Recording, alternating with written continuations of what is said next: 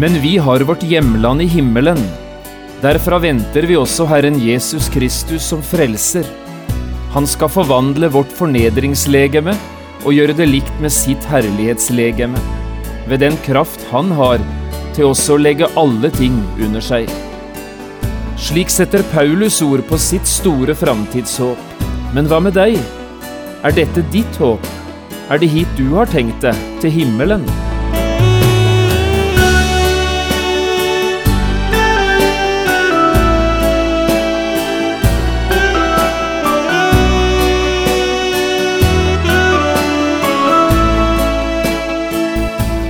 Hjertelig velkommen til et nytt program i serien Vindu mot livet.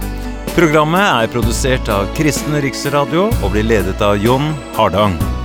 Kristen Riksradio drives av frivillige gaver. Vi er glade for din støtte.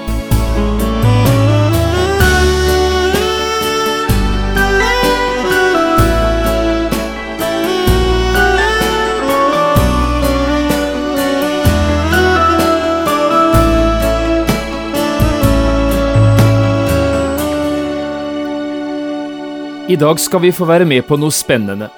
Vi skal lese én en eneste setning fra Paulus sitt brev til filipperne, der Paulus setter ord på det som er hans evighetsforventning, eller hans store framtidshåp.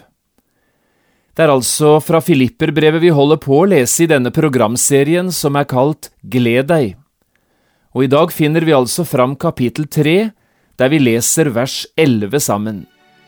Jeg har kalt dagens program oppstandelse fra de døde.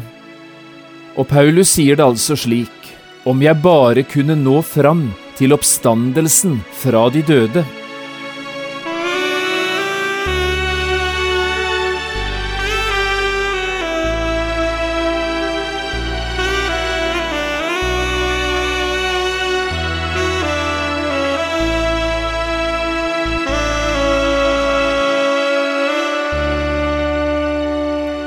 Ikke lenge etter at Paulus hadde vært i Filippi i forbindelse med sin andre misjonsreise, og der grunnlagt den første kristne menigheten i Europa, så kommer han til Aten, den store og berømte greske hovedstaden. Her gikk Paulus omkring i byen, besøkte jødenes synagoge, og kom også i snakk med en del forskjellige andre folk, blant annet en del greske filosofer eller vismenn. Du kan lese om dette i apostelgjerningene 17. I det attende verset der står det slik.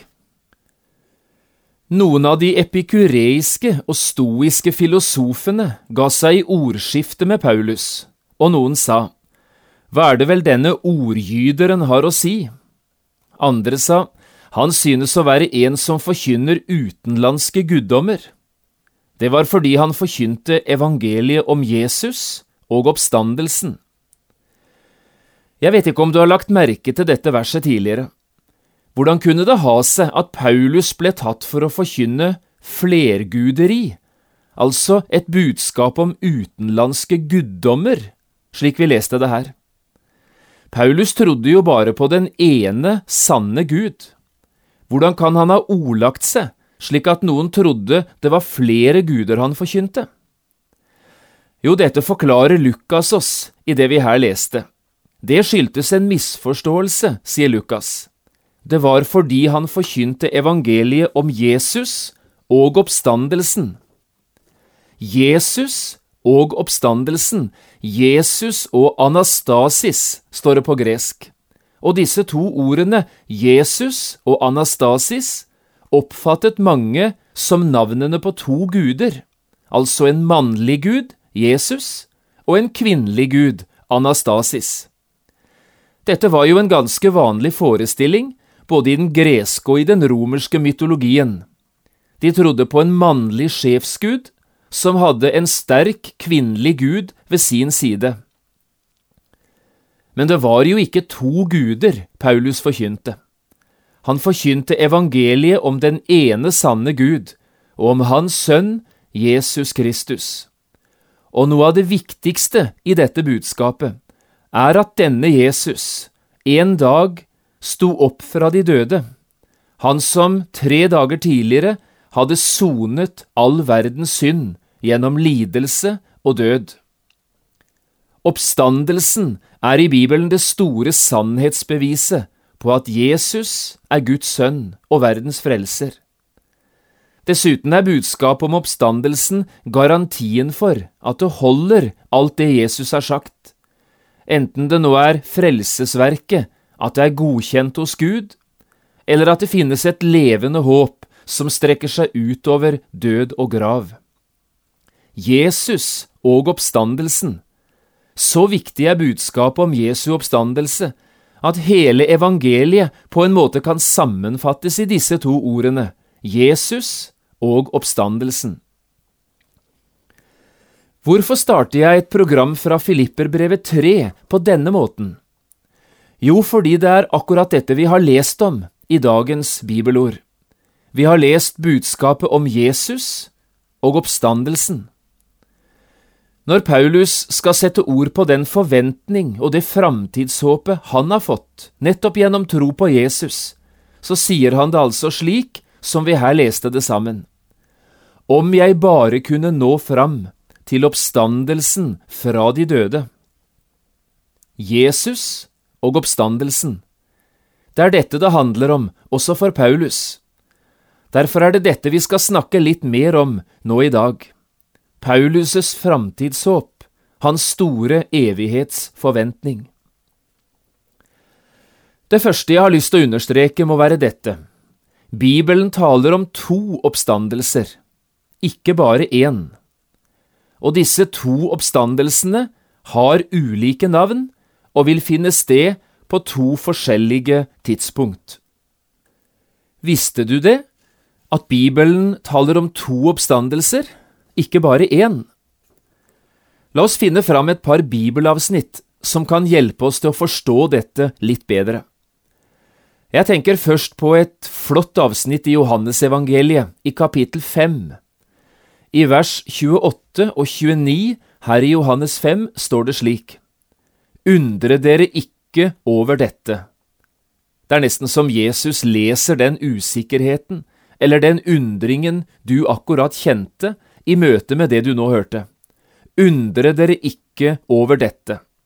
For den tid kommer da alle de som er i gravene skal høre hans røst. Og de skal komme ut, de som har gjort det gode, til livets oppstandelse, men de som har gjort det onde, til dommens oppstandelse. Det er mange ting å si om et slikt avsnitt, ikke minst når det gjelder sammenhengen som disse ordene er talt inn i, men det skal vi la ligge nå i dag. Det eneste jeg ber deg understreke, er navnene Jesus bruker på de to oppstandelsene. Han taler om livets oppstandelse, det er altså den lyse siden, og så taler han like etter om dommens oppstandelse, altså ikke dødens oppstandelse, men dommens oppstandelse. Dette er den mørke siden i oppstandelsesbudskapet. Vi møter et annet, et tilsvarende ordpar på andre steder i Bibelen. Vi hører om dødes oppstandelse på den ene siden, og oppstandelsen fra de døde på den andre siden. Dette kan kanskje høres nokså likt ut, men det handler om to vidt forskjellige ting. Hør bare her. Dødes oppstandelse. Det betyr at alle de døde en dag skal stå opp. Alle døde, uansett hvor og når de døde, eller måten de døde på. Dette hadde selvsagt Jesu disipler hørt om, i likhet med alle andre som kjente Skriftene i deres samtid. Alle troende jøder visste det, at det skal komme en dag da de døde skal stå opp. Jesus selv var en dag i diskusjon med sadukeerne, en religiøs gruppering som ikke trodde at det fantes noen oppstandelse. Også på Jesu tid fantes det altså slike mennesker som fornektet et liv etter døden.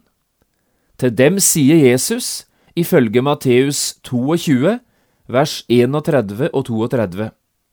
Jesus sier, Men når det gjelder de dødes oppstandelse, har dere da ikke lest det som er talt til dere av Gud, som sier, Jeg er Abrahams Gud, Isaks Gud og Jakobs Gud.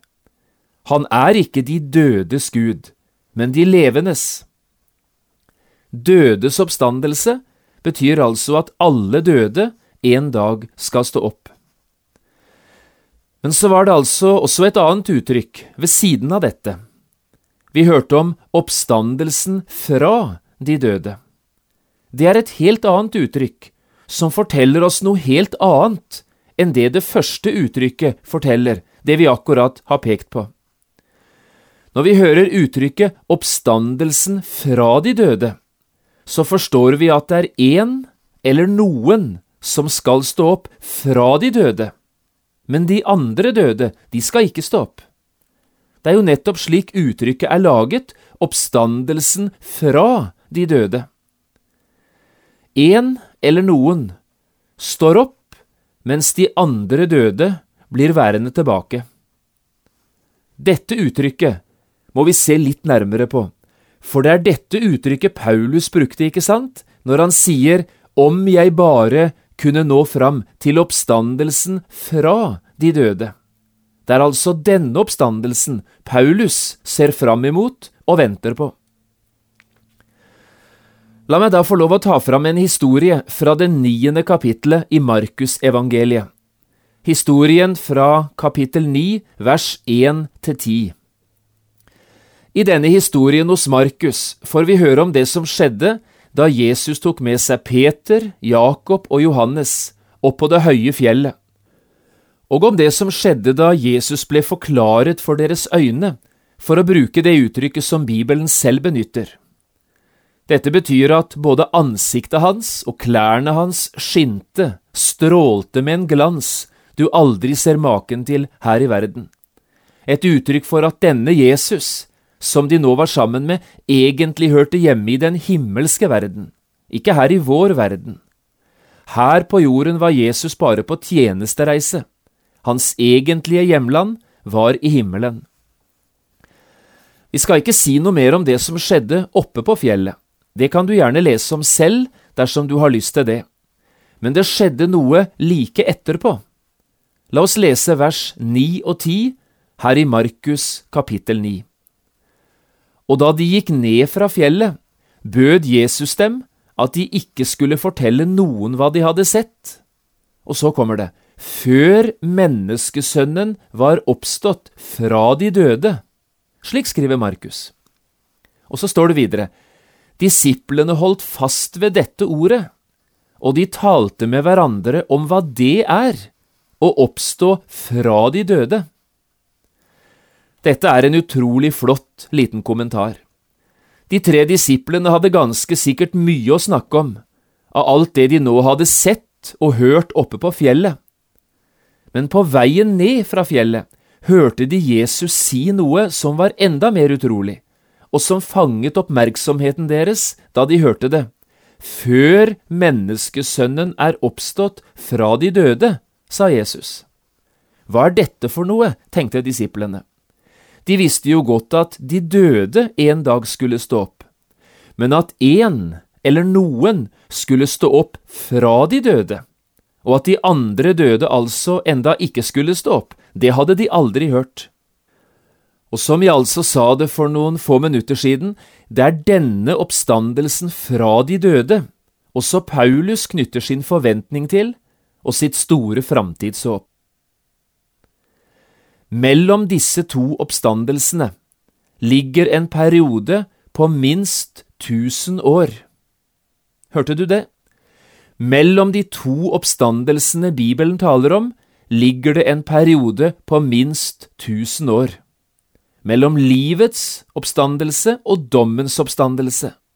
Mellom oppstandelsen fra de døde og dødes oppstandelse. Det ligger en periode på minst tusen år. La oss prøve å finne fram Bibelens siste bok, Johannes' åpenbaring, og så skal vi lese et interessant avsnitt der fra kapittel 20, vers 4 til 6. Dette handler om situasjonen ved avslutningen av den store trengselstiden som skal komme over verden. Og det er Johannes som skriver.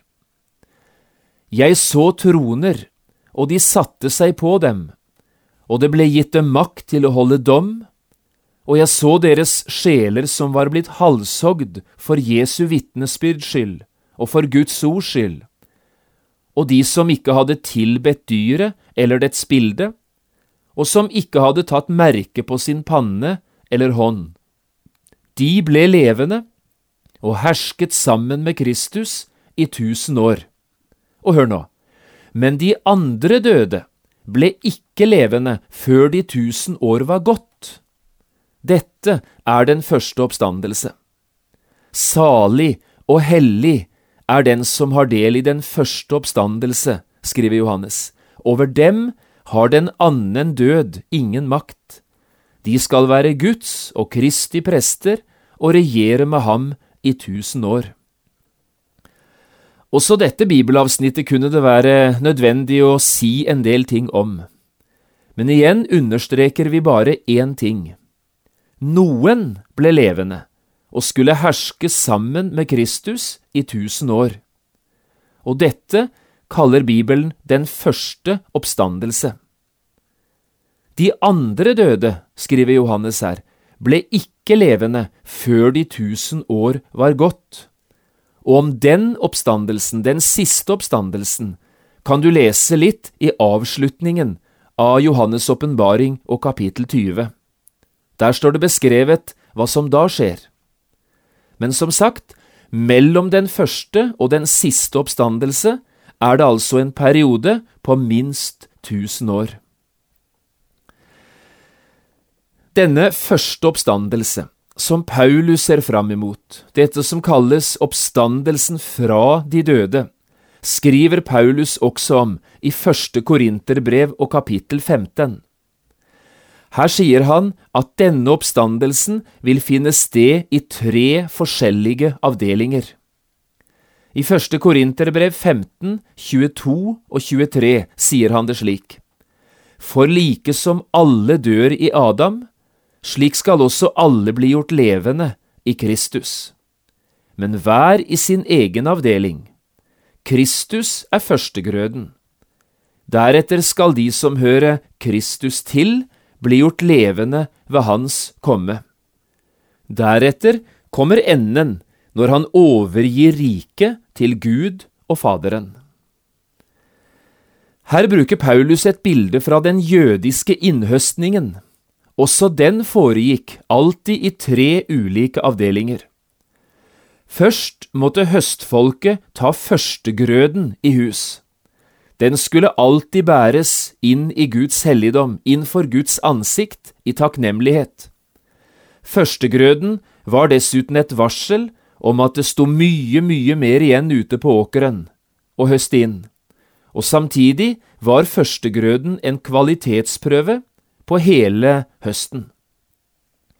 For det andre skulle høstfolkene så ta hovedhøsten i hus. Da var alle høstfolkene i arbeid, da var det full aktivitet ute på markene. Nå skulle hele den store avlingen bringes i hus, hovedhøsten. Men til slutt sto etterhøsten for tur. Det var beskjed i Moseloven at høstfolkene i Israel alltid skulle la litt av kornet stå igjen, ute ved kantene på markene. Det skulle stå igjen for de fattiges skyld. Det var jo mange som verken hadde gård eller grunn i Israel, men som like fullt trengte korn. Og etterhøsten var for dem. Dette er til å bli klok av, for hva kan dette lære oss? Førstegrøden er bildet på Jesu Kristi oppstandelse fra de døde. Det ble lagt et hvetekorn i jorden da Jesus døde, og allerede første påskedag begynte det å bære frukt. Kristus er i dag i Guds hus. Han er i himmelen som et varsel om at det skal komme mange flere til himmelen enn han. Og helt utrolig, de skal ha samme kvalitet, de som kommer etter, som det han har. Hovedhøsten er det som finner sted når Jesus kommer igjen for å hente sine troende hjem til himmelen. De som allerede døde i troen, og alle de kristne som enda lever i den generasjonen som vil oppleve å få se Jesu gjenkomst i lufthimmelen. Det er dette vi kaller bortrykkelsen. Da skal alle de kristne stå opp, men ikke de andre døde. Deres tid kommer senere, på dommens dag. Og så etterhøsten. Det er innhøstningen av dem som ville ha med Gud å gjøre, og som trodde på Jesus gjennom den trengselstiden som en dag skal komme i vår verden. Har det vært vanskelig og fattigslig for de kristne i tidligere tider, blir det enda verre i de årene. De troende skal bli fratatt alt, til og med sitt eget liv. Men også i denne knallharde tiden skal Gud høste mennesker inn for sitt rike. Dette går det an å forstå, gjør det ikke det? Oppstandelsesbudskapet i Bibelen er budskap om førstegrøden, hovedhøsten og etterhøsten. Hva er det altså Paulus ser fram imot og lengter etter? Jo, det er den dagen Jesus kommer igjen for å hente sine, den dagen han skal føre den frelste skaren inn i den himmelske verden. Om jeg bare kunne nå fram til oppstandelsen fra de døde. Litt senere i dette brevet, i det samme kapitlet som vi nå har lest fra, skriver Paulus så fint om den dagen. Også her snakker han om tre ting. Han snakker om sin forventning, den er knyttet til Jesu gjenkomst, dagen da Jesus kommer for å hente alle sine, levende og døde. Tanken på det som da skal skje, fyller Paulus med trøst og med glede. Så skriver han om sitt hjemland, det er i himmelen. Her i verden er han bare en gjest, han er på tjenestereise, snart skal han få lov å reise hjem. Og som det tredje skriver Paulus om sitt legeme, om kroppen sin. Den skal forløse, sier han. Den skal bli ny. Han skal få et legeme likt det legeme Jesus selv har i herligheten. Vi skal bli Jesus lik den dagen vi ser han som han er. La oss nå til slutt i dag bare sitere disse to versene, vers 20 og 21, her i Filippebrevets tredje kapittel. Og la meg ganske enkelt få spørre deg, du som lytter, før jeg nå leser. Er dette ditt håp? Er det hit du har tenkt deg, til himmelen, hjem til Jesus? Hør hva Paulus skriver. Men vi har vårt hjemland i himmelen. Derfra venter vi også Herren Jesus Kristus som frelser. Han skal forvandle vårt fornedringslegeme og gjøre det likt med sitt herlighetslegeme ved den kraft han har til også å legge under seg alle ting. Herlige framtidshåp.